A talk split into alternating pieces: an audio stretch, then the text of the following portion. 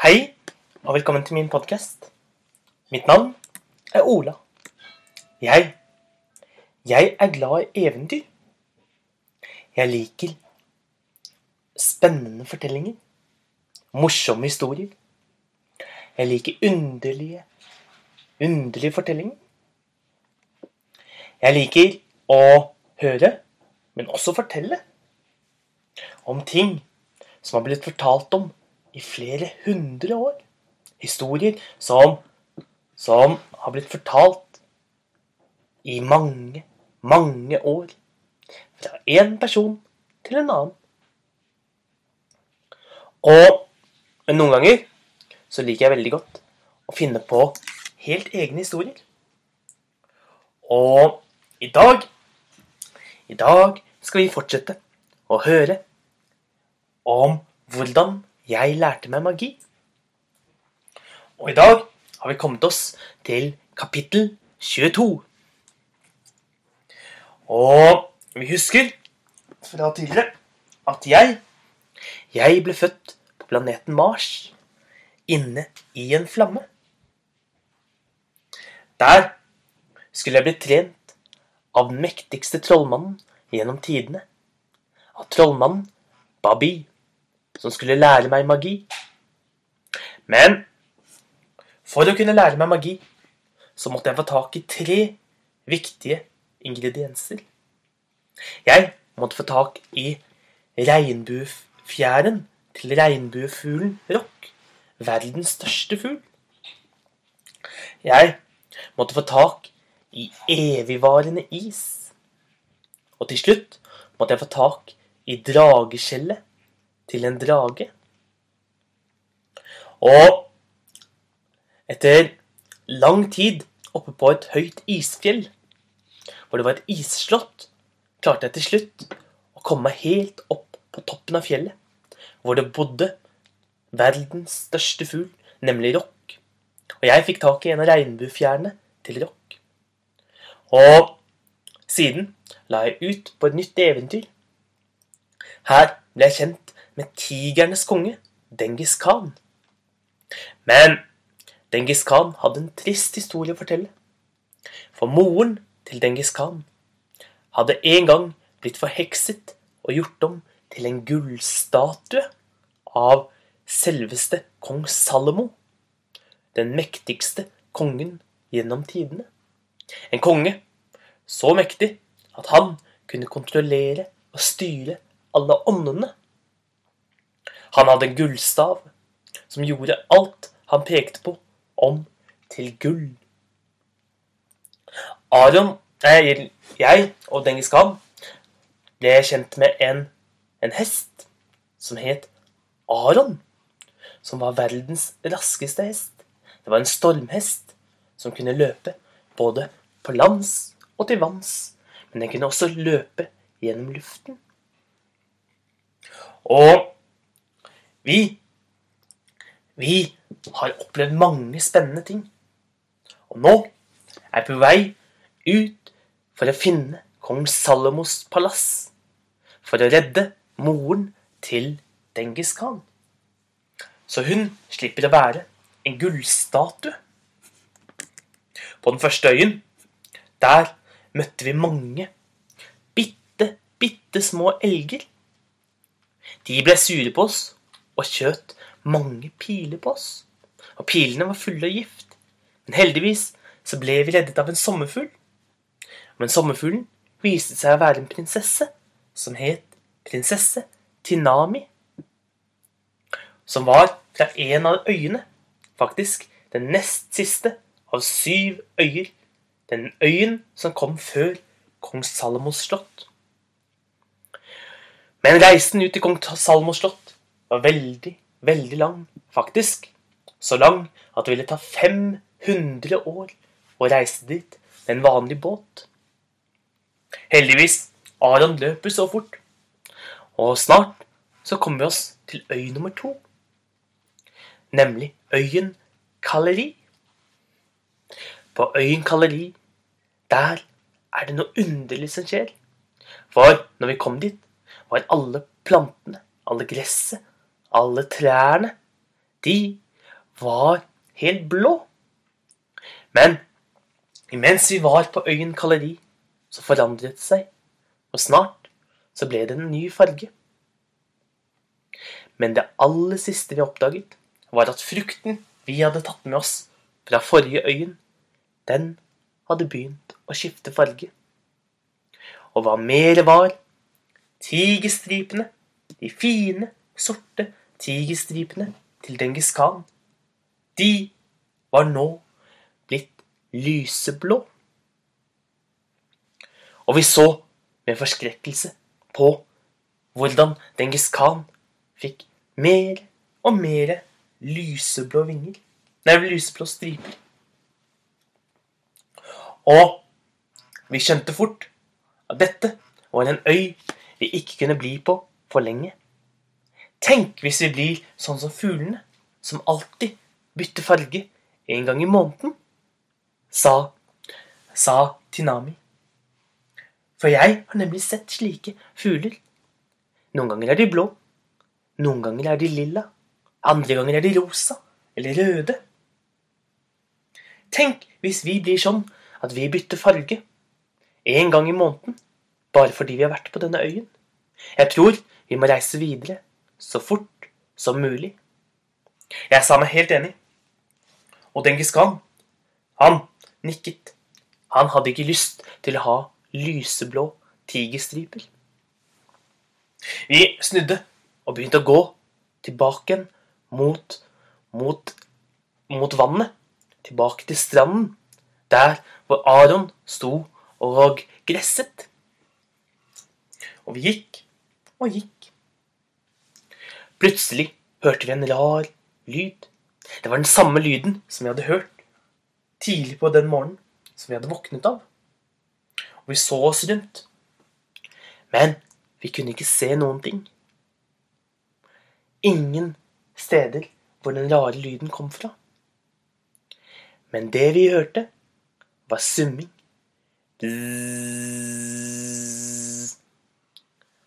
Og vi så opp. Der kom det en stor, stor sky av sinte veps. Det var sikkert 1000 sinte veps. Nei, det var enda mer. Det var nok en million sinte veps som kom flyvende over trærne mot oss. Og som alle andre ting på øyen, så hadde de også rare farger. Vepsen var blå og lilla. Og de kom flyvende mot oss. Plutselig så begynte de å fly i formasjoner. Vepsen del, delte seg i tre store skyer. En som fulgte etter meg. En gikk mot Dengis Khan. Og en av skyene gikk med veps, fløy imot Tinami. Og vi hoppet til side for å ikke bli stukket av vepsen, og vi begynte å løpe det forteste vi kunne. Vepsen prøver å dele oss, ropte jeg. Vi må holde oss samlet. Vi møtes borte ved vannet, som er litt lenger her framme. Og vi løp det forteste vi kunne. Jeg løp mellom trærne. Jeg løp under lianene.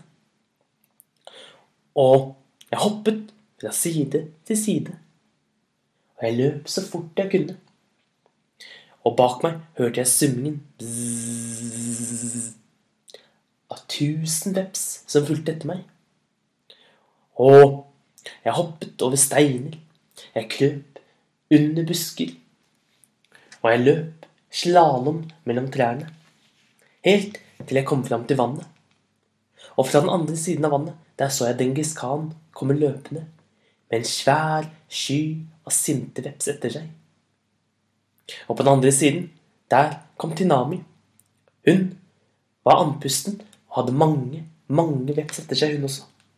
Så ropte jeg til dem alle sammen. Hopp ut i vannet! Både Tinami og Dengis Khan hoppet ut i vannet, og vi svømte ned. Og så at den store, lilla og blå skyen av sinte veps fløy over vannet. Men de kunne ikke nå oss der nede under vann. Og vi la på svøm. Vi svømte det forteste det vi kunne. Vi holdt pusten og svømte og svømte. Så dypt nede som vi kunne gå, slik at vepsen ikke så oss og ikke kunne følge etter. Vi svømte helt nede der hvor det var tang. Og vi svømte nede mellom tangen. Vi svømte langt, og vi kjente at det brant i lungene. Vi trengte virkelig å puste snart. Men vi turte ikke å gå opp ennå, for da ville vepsen oppdage oss. Så vi fortsatte å svømme. I noen minutter til så svømte vi helt sakte oppover og tittet opp. Og heldigvis for oss så så ikke vepsen oss, og vi kunne snike oss i land. Hva var det? sa jeg når vi kom i sikkerhet. Hvorfor angrep alle vepsene oss? Og hva var den rare lyden vi hørte? Jeg vet ikke, sa Tinami. Men jeg liker det ikke. Det der må ha vært en million sinte veps. Plutselig så hørte vi lyden på nytt. Denne gangen var den nærmere. og Vi hørte ganske tydelig at den sa Tjakakakakaka. Og så, rett etterpå, så heter vi rasle, rasle, rasle, rasle.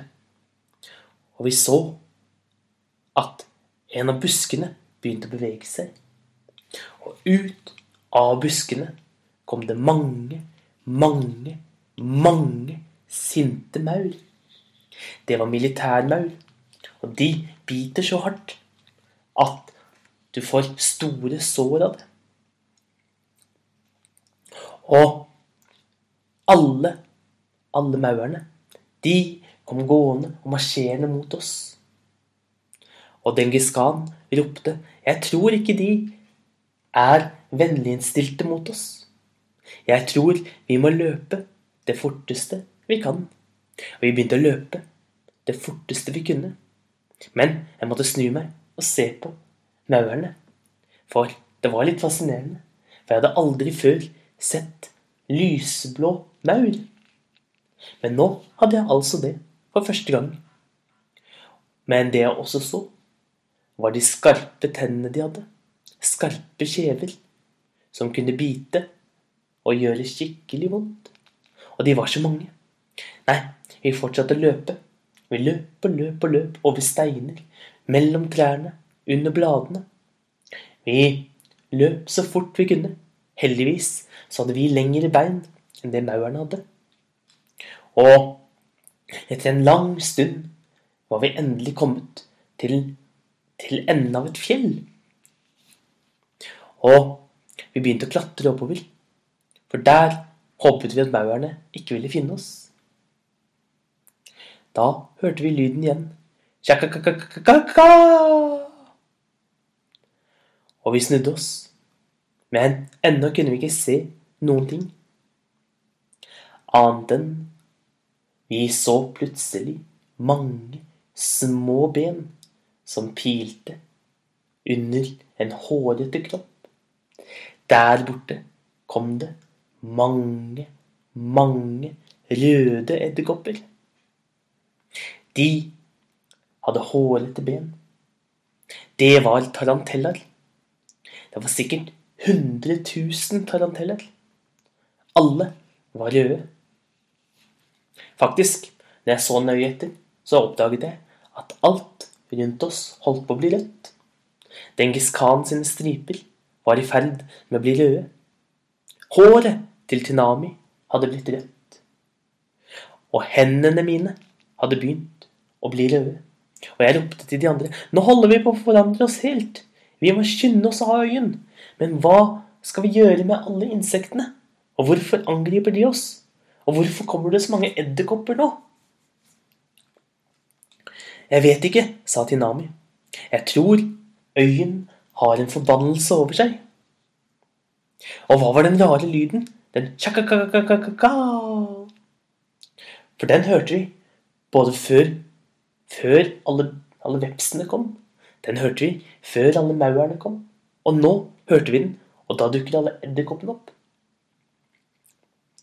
Vi fortsatte å snakke, mens det store, røde teppet av tarantellaer kom nærmere og nærmere. Men mens Tinami og jeg sto og snakket med hverandre om hva vi skulle gjøre, så sto Dengis Khan og skalv.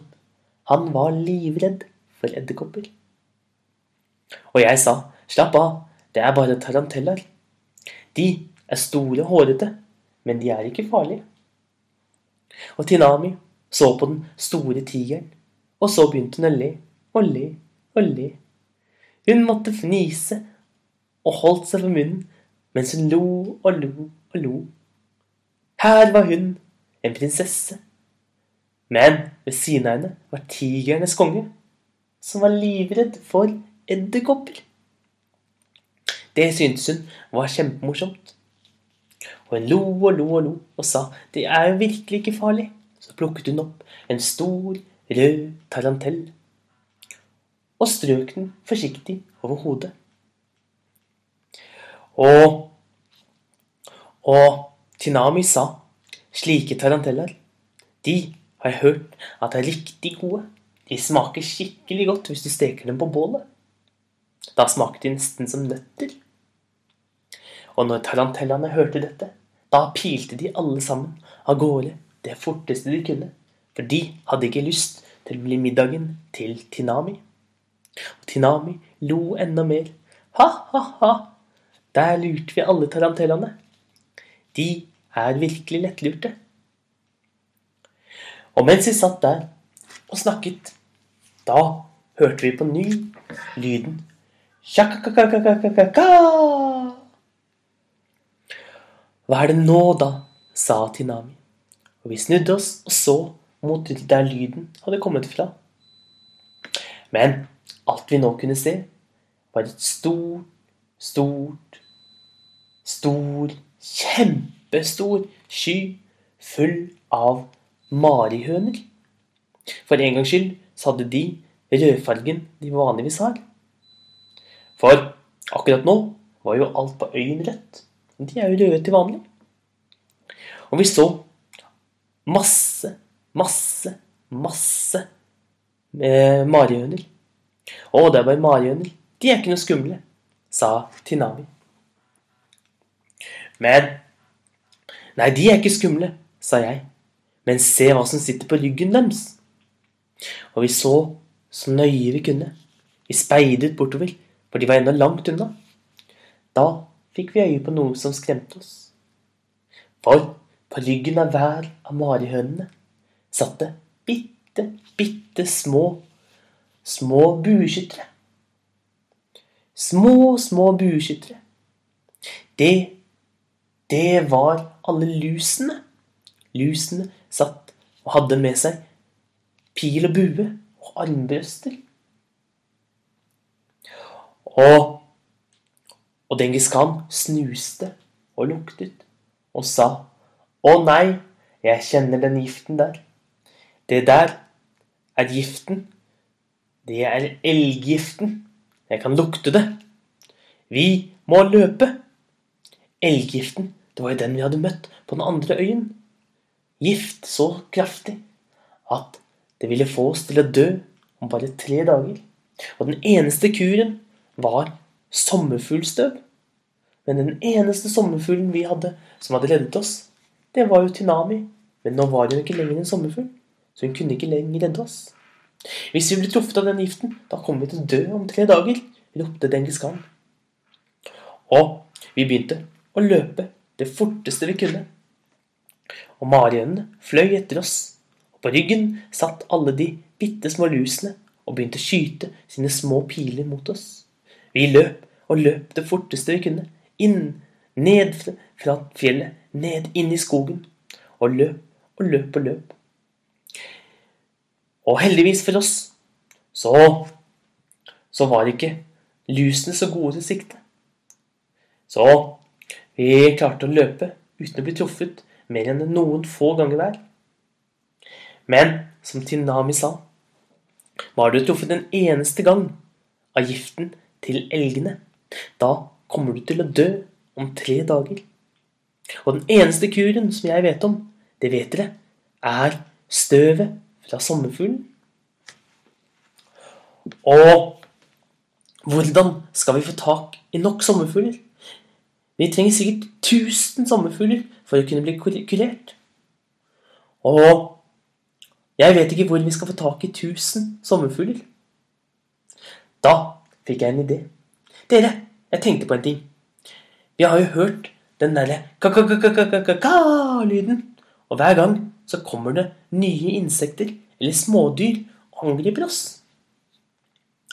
Kanskje er det sånn at de hører på hva, hva den lyden er, og så kommer de til oss. Hva hvis vi finner ut hvor denne lyden kommer fra? Så kan vi fange vedkommende og få vedkommende til å få tak i alle sommerfuglene på hele øyen. Og så kan de gi oss motgiften.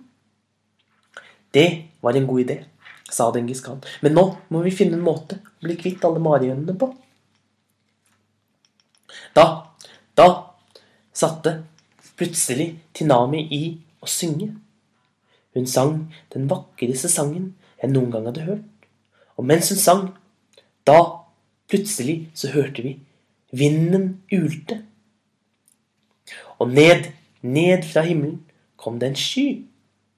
Og på skyen satt Aioli. Aioli, han sa, jeg, jeg er prinsen over alle vindene. Jeg hørte at du kalte på meg prinsesse Tinami. Det stemmer, sa Tinami. Vi trenger din hjelp. Og Og eh, Aioli sa med glede. Det skal jeg hjelpe dere til. Hva trenger dere hjelp til? Vi må blåse bort alle de alle de marihønene som følger etter oss, sa Tinami. Og det er den enkleste saken i verden, sa, sa Aioli. Og den blåste den kraftigste vinden jeg noen gang hadde sett. Og snart, snart så forsvant forsvant alle marihønene fordi de ble blåst bakover. Og så sa jeg nå må vi bare finne ut hvor lyden kommer fra. Hvem er det som lager denne ka-ka-ka-ka-ka-ka-lyden?